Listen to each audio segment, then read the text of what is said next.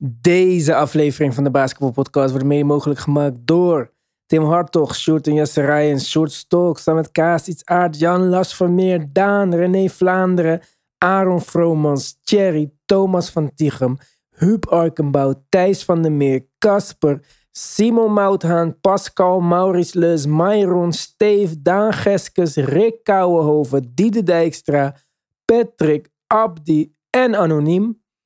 Speciale shout-out naar de GOATs. Robert Huiltjes, Yannick Tjongajong, Wesley Lenting, Robert Lute, Stefan Groothof, Jan van Binsbergen en Tarun en Yannick. Shout-out naar Patrick en Abdi voor het upgraden naar een supportpakket. Wordt gewaardeerd. Roon, Chris Volst en Hendrik Strampel, welkom bij de DBP Family. Als het goed is, hebben jullie een uitnodiging gehad voor de groupchat. Vergeet die niet, want de groupchat blijft lid, helemaal nu met Eurobasket. Op petje af verder deze week aflevering 7 van Tim Talk. Vierde aflevering van Mark This Day. Alleen op petje af te beluisteren en te bekijken. Met een petje af abonnement. Dus Tim Talk, Mark This Day, extra afleveringen van de Basketball Podcast en toegang tot de groupchat. Er zijn nog vijf plekken voor de huidige prijzen beschikbaar. En daarna gaan de prijzen omhoog. Om een abonnement te nemen op onze Petje Af ga je naar petjeaf.com slash de. Als je ons alleen wilt steunen kun je ook een donatie maken, zoveel als je wilt. Ga naar de basketbalpodcast.nl en kies luister op Petje Af. Alle support wordt gewaardeerd. Let's go.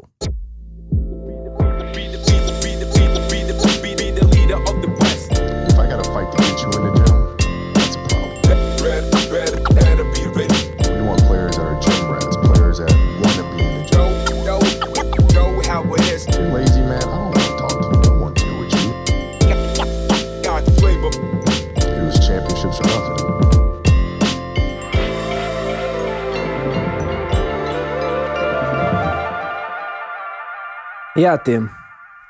Wekenlang zat ik te zeuren dat Donovan Mitchell niet naar de Knicks moest komen. En eh, heb ik mijn zin gekregen. Ben ik alsnog teleurgesteld. Maar daar komen we zo op. Donovan Mitchell is een Cleveland Cavalier.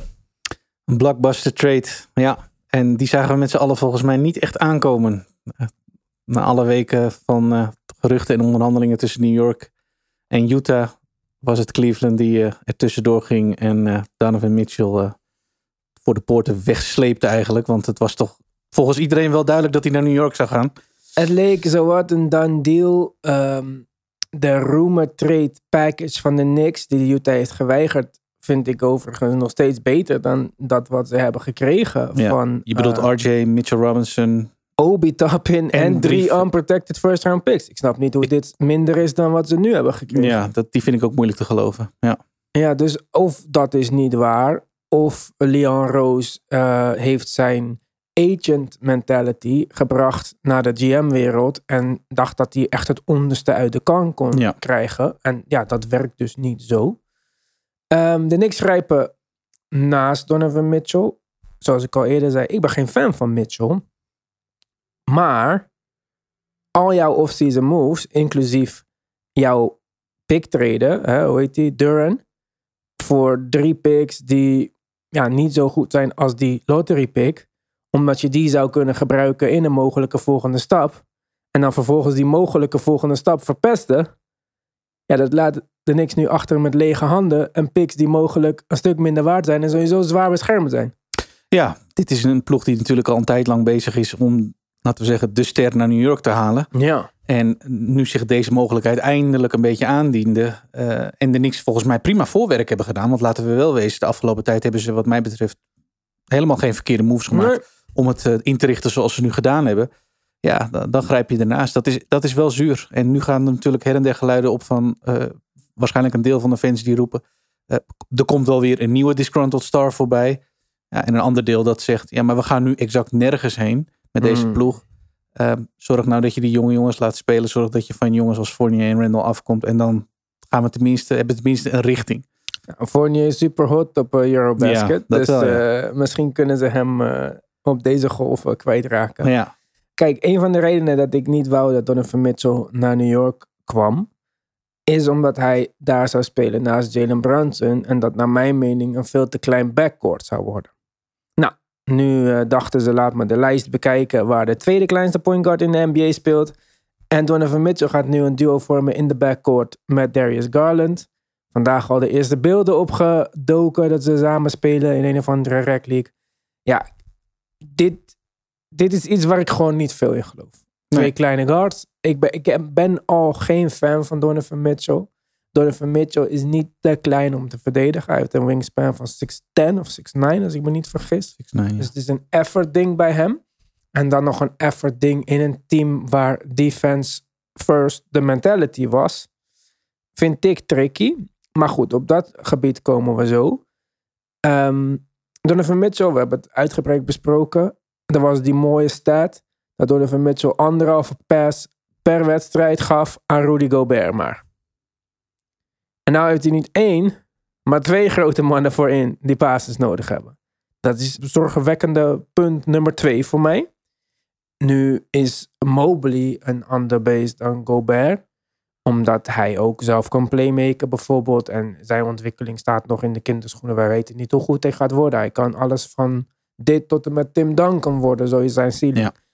Maar met Jared Allen en Gobert zijn de vergelijkingen toch best wel treffend misschien. Ja, eh, hoewel op aanvallend vlak vind ik Jared Allen... Maar goed, dat is niet zo'n heel spannende teken natuurlijk. Want Gobert komt op aanvallend vlak überhaupt moeilijk uit de verf.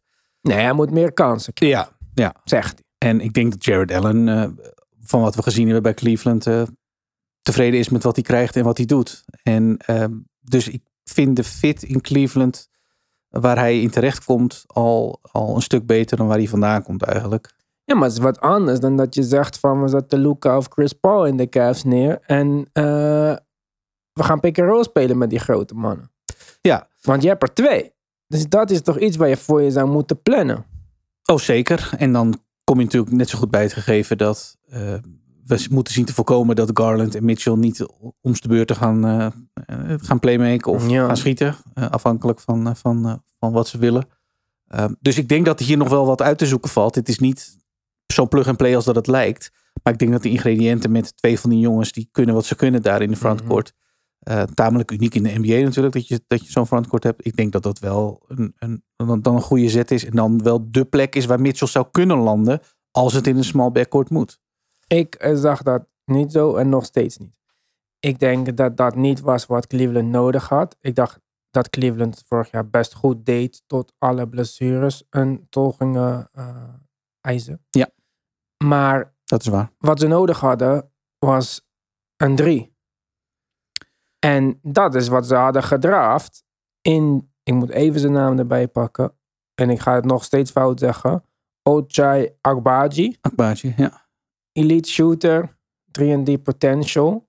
Ze hebben eigenlijk gedraft voor fit. Ze hebben natuurlijk Isaac Ja. Okoro, maar die is offensively zo nul dat we niet weten.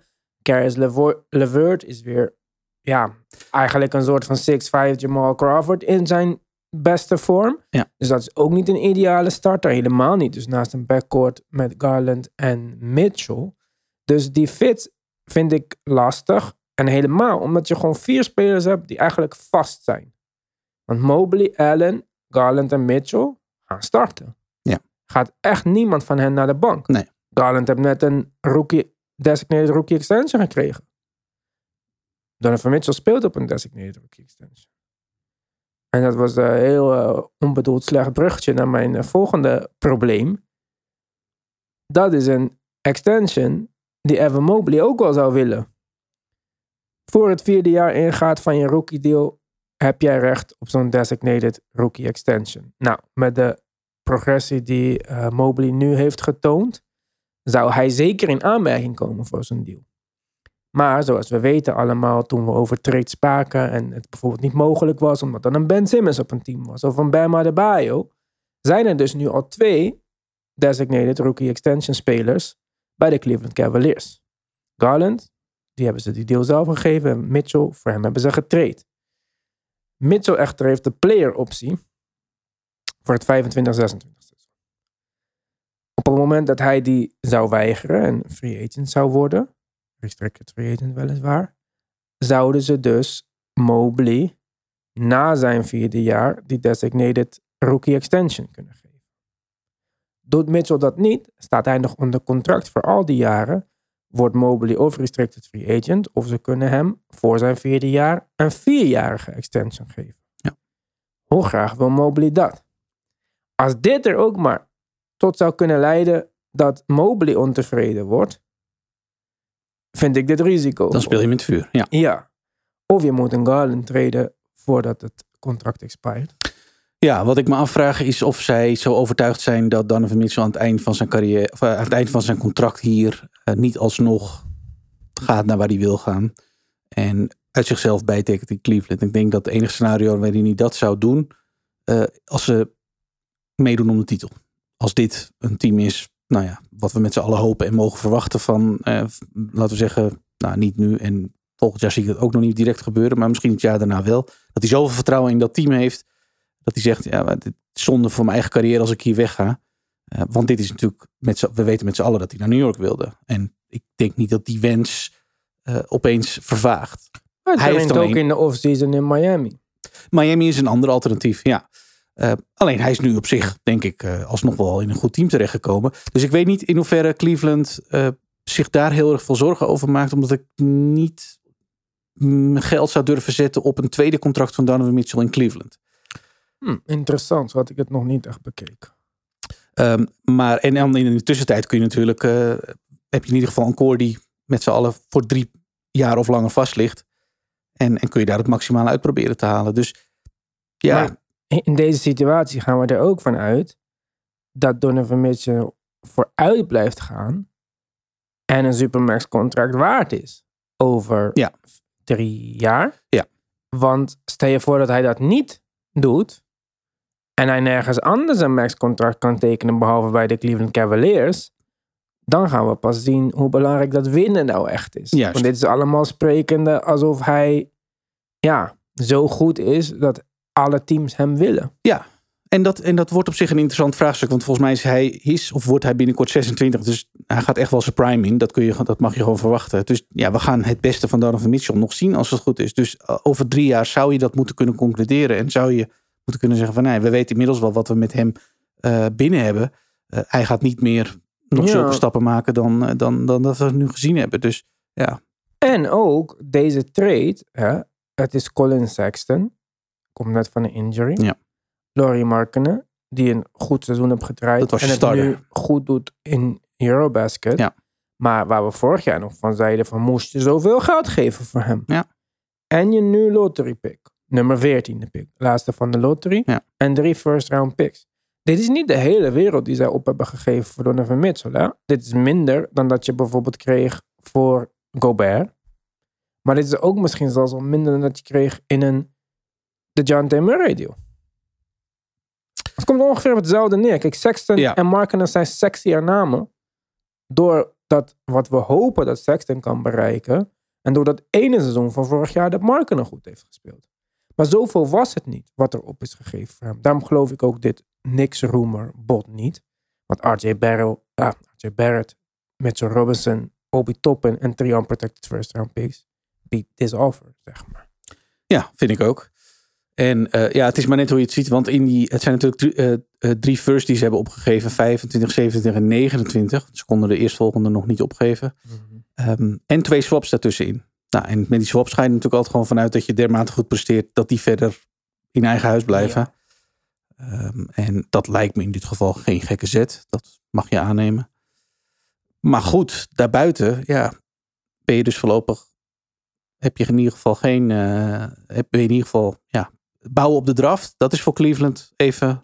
Ja, maar dat zou ook niet meer nodig hoeven zijn. Juist, zij hebben Garland, zij hebben Mobley. Ja. Dit, dit zijn jouw draft spelers. Ja, Kijk, als je kijkt waar de Sixers uiteindelijk mee zijn gaan bouwen, was Simmons en uh, Embiid. Dat zijn er ook maar twee die je hebt gehouden van alle Michael Carter, Williams en weet ik veel die je allemaal gedraft hebt. is ook zo. Dus je, je moet één of twee keer moet je hitten en dan. eh, ja, en dan dat hebben zij nu gedaan. Ja.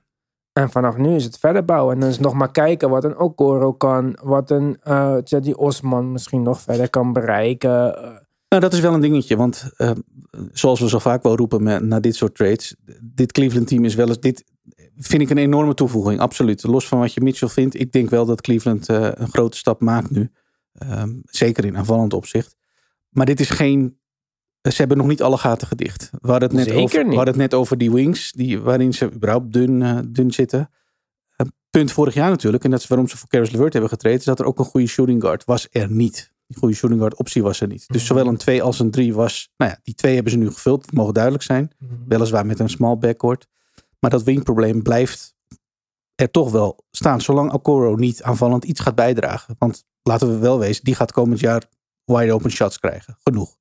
Ja, Als- nou ja, als, als hij die die, kan schieten. raken voor 38%, dan hebben we niks om over te klagen. Precies, want hij is goede verdediger, is hij al. Dat weten Ja. we. Dus dan, en dan is de balans in dat team denk ik ook heel goed. Dat is, de, dat is de balans die ik zou willen als ik een small backcourt heb. Is in ieder geval drie andere goede verdedigers, waarvan twee grote. En, en dan zie ik Cleveland heel, heel ver komen. Maar dus ik denk dat er veel van die positie van Okoro gaat afhangen hoor. Ja, en ik denk dus dat dat niet ook Oro gaat worden, omdat ik dat niet zie gebeuren, dat hij die stap maakt. En ook al is hij verdedigend goed, is hij goed genoeg om dit hele perimeter-verdediging probleem op te lossen. Dat denk ik ook weer niet. Plus dat Okoro ook niet een 6'7, 6'8 wing is of zo. Het blijft alsnog een wat kleinere. Dus wat doe je tegen de grote Wing. wings die je tegenkomt? Ja. Ja, dus dan, eh, nogmaals, eh hindsight is 2020. Maar als je aan mij vraagt, de John Murray of eh, Mitchell bij de Cavs, had ik liever Murray gezien dan. Want die lost in ieder geval dat verdedigende op. Is een 6'5 guard die Ja. kan compenseren voor Garland's eh, kleine lengte. Dan is jouw backcourt verdediging probleem, zover je dat kan oplossen met Garland in je starting line-up opgelost. Ja. En daar hadden ze waarschijnlijk bijvoorbeeld niet de markener voor op hoeven te geven.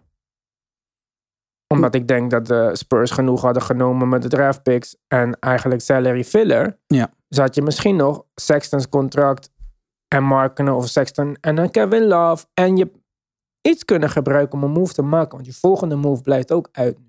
Ja, die zie ik op korte termijn ook niet gebeuren. Nee, daar heb je, daar heb je een punt. Ja, het, is, het is afwachten hoe die o- omstandigheden rondom Murray waren natuurlijk. Of dit misschien niet een deal is die eh, tussen twee partijen is gedaan zonder dat de rest dat goed er wel in de gaten had. Dat kan. Dat kan. Ik zeg ook niet, dat, ja, dat was al veel eerder gebeurd. Ja, daarom. ook. Dus, maar in hindsight ja, heb je op zich een interessant punt. En je zou kunnen zeggen, ja, hoe gaan ze dat aanvallend oplossen dan? Nou, we hebben net al besproken dat er ook eh, in deze eh, Mitchell-Garland backcourt aanvallend eh, zal dat op een bepaalde manier moeten klikken. Dat had je met Murray ook gehad. Maar dat Mhm. hebben we natuurlijk in Atlanta nu ook. En extremer, denk ik, in Atlanta. Ja. Omdat een van Trey's grootste assets is Pasen.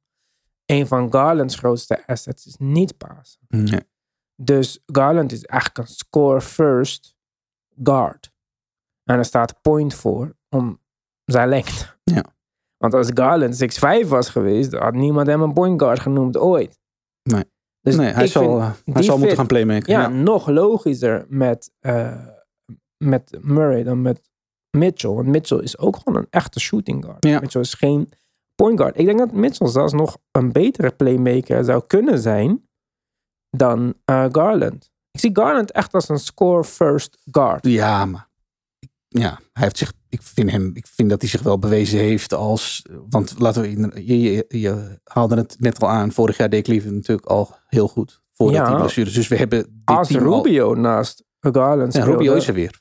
Ja, oké, maar we gaan niet Rubio, Garland en Mitchell tegelijkertijd spelen. Nee, nee, nee. Dus, maar dat is mijn punt. Dus Ja. hij was juist goed in een wat meer off-ball rol. Ja. En dat is misschien, Mitchell zou dat ook moeten. En dat ga je dus nu niet krijgen. Plus dat Garland, waar zelfs Steph Curry van zegt van he's Ja. the next one up. Klopt. Ja, die, die gaat sowieso minder touches krijgen nu. Vorig jaar mocht hij eigenlijk doen wat hij wilde. Ja. Omdat ja, lag wide open. Mobley was nog niet daar. Maar naarmate dat Mobley beter wordt, heeft Mobley meer touches nodig. En die zou hij ook moeten krijgen in de post. En nu met Donovan Mitchell moet hij die al splitten. Dus ik weet ook niet hoe goed dit is om, om, eh, Garland maximaal te ontwikkelen. Dat is, dat is een, een legitieme vraag. Want we hebben voordat Sexton geblesseerd raakte natuurlijk ook gezien dat eh, de, er kwamen meer en meer vraagtekens bij die fit. Tussen die twee. Nou, ja, eh, in- Land, beste backcourt Ja. naam in de geschiedenis van de NBA. Ja, dat- maar eh, Maar op het veld kwamen er steeds meer. Nou ja, en uiteindelijk loste zich dat op door het gegeven dat Sexton geblesseerd raakte. En Garland toen echt de show kon runnen. Dat, dat deed hij wat mij betreft fantastisch. Eh, maar ja, dat, hij zal het nu weer moeten, weer moeten delen met eigenlijk het feit dat Mitchell naast hem komt, die natuurlijk ook eh, wel wat wil. Zo niet alles. En, en Mobley inderdaad ook eh, elk, elk seizoen meer gaat willen en meer zal moeten krijgen om ja, zijn aandeel te vergroten. Want ja, die jongen is zo, die is zo speciaal. Dat, die heeft dat ook nodig. Ja, dus dat. Dus ik vind dit een soort van, ja, nog, nogmaals, niet de meest logische fit. Je kunt natuurlijk zeggen wat ik net over de Knicks zei, die al het voorbereidend werk hadden gedaan en dan niet toeslaan. Van de Cavs hebben in ieder geval een move gemaakt. Dus ja, er was een ster tussen aanhalingstekens beschikbaar. En de Cavs hebben hem gekregen voor een prijs waarvan ik zeg, dit is vrij redelijk. Laurie Marken en Sexton, drie unprotected picks. Dat, dat klinkt voor mij beter dan wat in eerste instantie de rumors waren. Vier, vijf, zes picks en eh, jonge spelers. Ja, nee hoor, dat vind ik ook redelijk. Zeker. Ja. ja. En ik betwijfel ook eerlijk gezegd dat Utah iets gaat doen met deze spelers. Want Sexton, dat is totaal niet, niet eens de prototype speler waar hij van houdt. Wat RJ Barrett bijvoorbeeld veel meer was. Daarom vond ik dat ook een logischere deal. Ja. Maar ik twijfel, betwijfel ook dat RJ Barrett ooit in die deal heeft gezeten. Zeg maar. Oké, ehm, dan moet ik even schakelen.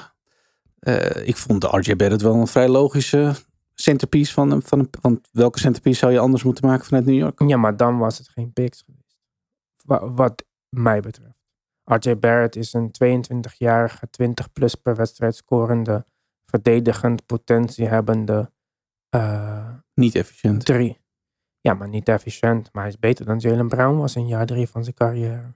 Oh ja, nee zeker. En ik denk ook dus wel dat ze een- hem graag wilden hebben. Ja, maar dan, dan dat is niet realistisch om te zeggen, geef mij RJ Barrett, die op zijn 22 jaar nog niks fout heeft gedaan. En drie picks, en Mitchell Robinson, en Obi Toppin. Ja, ik heb moeite Dus dat- om die. dat klopt niet. Eh, Ja, ik heb moeite om die te geloven. Maar wat, la- later werd wel duidelijk dat de toevoegingen van die package die bepaalden of New York wel of niet meer picks wilde geven. Dus eh, Grimes, dan moesten het er twee worden. Dat, dat was weer niet, eh, de bedoeling was weer niet genoeg. Want uiteindelijk Ja. wilden ze natuurlijk toch wel genoeg picks krijgen. Dus het, het was wel echt een spelletje wat daar gespeeld werd. Maar ik, ja, Barrett was, zat overal in. Was overal. Dus ja, Ik geloof dat niet, eerlijk gezegd. Ik, eh, ik zie het niet gebeuren. Dat, dat ze dat gaan doen, plus je ex-lottery pick, plus nog Quickly, die ook potentie showt. Nee. En dan nog met zoveel picks, dan hadden ze nooit deze deal geaccepteerd. Want als dat on the table was, dan moest hier nog... eh, Ja, maar ik denk ook in hindsight, als dit is waar het om draait, dan weet ik niet of New York zo slecht gehandeld heeft. Ik denk dat je dan ook gewoon zegt als New York zijn van nou ja, dan eh, stoppen we even met praten nu en dan gaan we RJ Barrett gewoon verlengen. ja, en dat hebben En ze dat ook hebben ze gedaan. gedaan. Dus ik denk als, als dit het niveau was waarop werd onderhandeld, als het gaat over picks Ja. en spelers, de zwaarte daarvan, dan, dan snap ik het ook wel. Dan, dan Ja. kijk maar naar die volgende. En van Jazz kant snap ik deze trade ook. Mitchell mocht weg. Het was duidelijk. Als je kijkt wat ze voor Gobert en Mitchell samen hebben gekregen. Je hebt die Walker Kessler nu. Dit was een eh, lottery pick. Ja. Of nee, niet lottery Nee, pick, maar wel een first Ja. round pick. Je hebt die Baji. eh, eh, nogmaals, sorry. Als iemand luistert met dezelfde achternaam, want ik zeg het vast niet goed.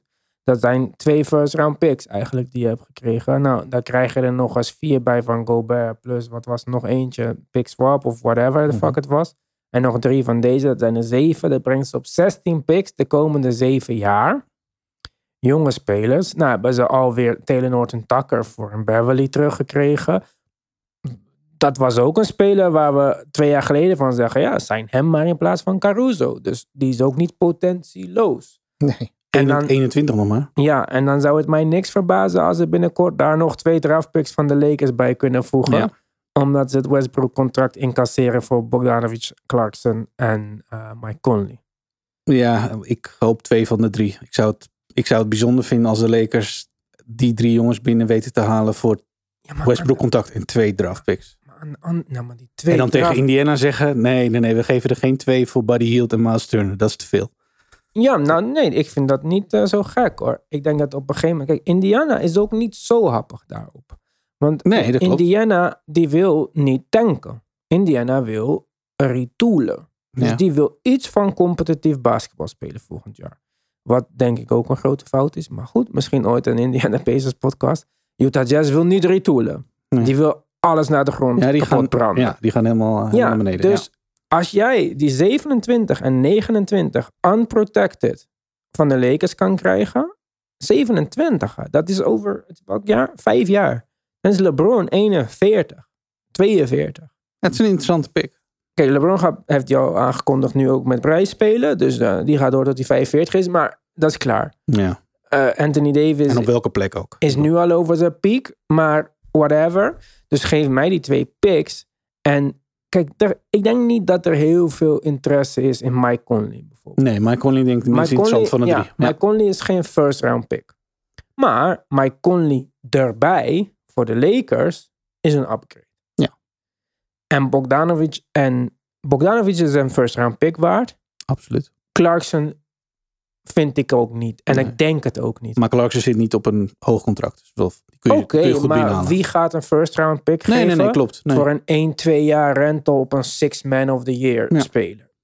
Maar deze deal voor de Lakers zou fantastisch zijn. Absoluut. Ik vind dat als zij Beverly hebben, Mike Conley, Bogdanovic, Clarkson, Anthony Davis, Thomas Bryant, Lonnie Walker. Wie hebben ze nog Juan meer? Toscano Anderson. Toscano, Anderson, LeBron. Nu, nu geloof ik dat dit een Oh, playoff team is, zeg maar. Als ze die drie erbij kunnen weten te halen, dat is, dat is absoluut een upgrade. Grote Ja. upgrade. Twee vliegen in één klap, want je bent van het Westbrook contract af en je haalt drie jongens binnen die echt wat kunnen betekenen in je rotatie. En dan hebben de Jazz eh, alle kansen om te tanken. Plus 18 first round picks. En Ja. heeft Danny Ainge in één jaar eh Sam Presti verslagen. Ik wou net zeggen, OKC-esque. Ja. Ja, maar dus, en dan tanken in full effect. Hoop op een Scoot Henderson of een Wembanyama. Ja. En dan begin je daar je rebuild. Kijk, ja, wat Utah doet is niet gek hoor. Nee, en ik denk ook, kijk, ik ken die Scoot Henderson niet zo goed, omdat wij alleen maar over Wembanyama, Wembanyama. En die speelde ook weer niet in de Eurobasket, helaas. Dat was leuk geweest. Ja. Daar speelt zijn eh, voorganger, Rudy Gobert, die niet eh, eens Dennis Schreuder kan opposten. Maar ehm, volgens Erzin is eh Scoot Henderson heel goed. Ja, ja, ja. Ja. Dus een Scoot Henderson is sowieso al een mooi begin. En met zoveel picks die je hebt. Misschien over een jaar eh, speelt Ben Simmons niet goed bij de Nets. Ja, dat is twee first round picks en salary filler voor een Ben Simmons. Voordat je het weet heb je dat hele team weer eh, ja, Ja. gefixt. Een disgruntled, goede speler, disgruntled NBA-star. Ja, want je- Eigenlijk elk jaar heb je er ergens wel één. Ja, precies. En er zijn er nu ook gewoon een hoop jongen die in de buurt van disgruntled zijn. Zoals Ja. dus bijvoorbeeld een Ben Simmons. Danny Ainge heeft in het verleden eigenlijk... Ja, je kan zeggen dat die Isaiah Thomas move een beetje een bitch move was. En dat dat een soort van bad karma heeft gegeven. Maar als je kijkt wat hij verder heeft gedaan. Van Horford een contract geven tot aan Hayward een contract geven. Heeft hij eigenlijk alles best wel goed gedaan. Hij heeft Isaiah- Isaiah Thomas überhaupt voor niks binnengehaald. Heeft die nog kunnen flippen voor Kyrie Irving. Ja, dat was nog voordat we wisten dat Kyrie Irving never nooit meer ging focussen op basketbal. Dus ja, Ja, Danny Ainge weet wat hij, eh, weet wat hij doet en haalt de onderste uit de kant voor je. Dat weet je. Dus ja, ik denk dat ze, dat ze in Utah, eh, voordat dit plan überhaupt, laten we zeggen, vorm zou krijgen, ja, haal je hem binnen. En dan, en dan natuurlijk was daar een connectie hoor. Je haalt niet zomaar Ja. Danny Ainge binnen. Maar als er iemand is die dan op die manier eh, het beleid moet gaan, eh, gaan maken daar voor de komende, nou, weet ik veel, zeggen vijf jaar. Ja, dan is, zit je met één zit je goed. Dus, en we zien daar eh, ja, meteen al de klappen vallen.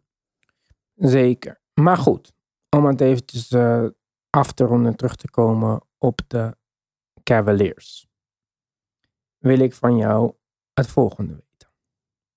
Volgend seizoen. Zijn de Cavaliers dan beter dan Orlando? Dan Detroit? Ja. Dan Indiana? Ja. Dan Washington? Ja. Dan New York? Ja. Dan Charlotte? Ja. Dan Atlanta? Ja. Oeh, je hebt ze al op een achtste plaats in het eh, oosten sowieso. Ja. Dan Brooklyn? Ja, dat is een moeilijke natuurlijk, maar ehm, laat ik maar ja zeggen. Ik kan niet in Brooklyn bouwen. Ik weet niet, ik weet niet wat het in Brooklyn wordt. Zeven in het oosten. Beter dan Chicago? Dat durf ik wel te stellen, ja. Zesde in het oosten. ja. Beter dan Toronto?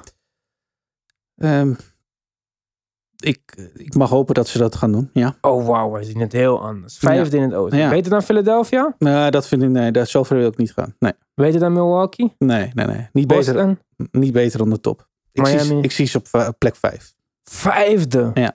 Oh, wauw. Ja. Als ik zag wat het vorig jaar al was en uiteindelijk is geworden vanwege blessures. En dan. Ja, ehm, en dan nu zoveel nou ja, aanvallende firepower erbij. Terwijl je je core daar houdt. Dory Markkinen was misschien de verrassende schakel in die starting line-up. ja. Ook de op papier minste. Dan denk ik, ja, dit, dit, dit moet een upgrade zijn. Dit, dit moet beter kunnen dan wat we vorig jaar van ze gezien hebben. En dat was in een, in een lange stretch, toen iedereen goed was, was dat, dit was een van de revelaties van het seizoen. Ja, maar uiteindelijk zijn ze wel gewoon negende geëindigd. Ja, omdat ja, ze hielden het niet bij elkaar. Ze hielden Ja, de, de maar dat hebben ze nu ook ertussen. niet. Want Rubio is niet fit aan het begin van het seizoen. Rubio is, ja, die, gaan- die gaan Ze hebben geen drie. Nog minder diep, de, depth daar. Nou, de diepte is er wel. Dus ik vind dat ze een hele, ik vind het, de bank is heel goed. Dat vind ik echt. Hmm, Ja, jij bent, nee, jij bent Caris LeVert fan. Ik heb ze op de negende plaats.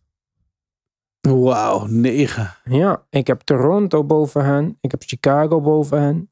Brooklyn en Atlanta. En met Atlanta kan ik nog wel eh, inkomen. Maar het is een play-in black, hoe dan ook. Ja, En hoger dan dat niet. vijf en negen. Nou, laten we deze noteren, zou ik zeggen. Ja, wat wil je erop zetten? Ik heb geen geld meer om te winnen. Nee. Nee, maar dat we zo ver uit elkaar zitten vind ik wel leuk. Dus dan, dan moet, dit moeten we in ieder geval even onthouden. Want eh, d- ja, dit, ja, ik ben wel heel benieuwd. Dit zit wel ver uit elkaar. Ja. Ja, heel ver. DWP eh, Family helpt ons wel eh, dit te herinneren, denk Ja. ik. Eén van ons gaat het goed fout hebben, Tim. Zeker. Wij gaan over, op Petje Af even verder praten over Eurobasket. Want dat vinden wij opeens allebei ook heel erg leuk. Dus eh, hebben Nederland gekeken, Slovenië, Servië. Dus eh, ga snel naar Petje Af om onze Eurobasket update te horen. Bedankt voor het luisteren en tot de volgende keer.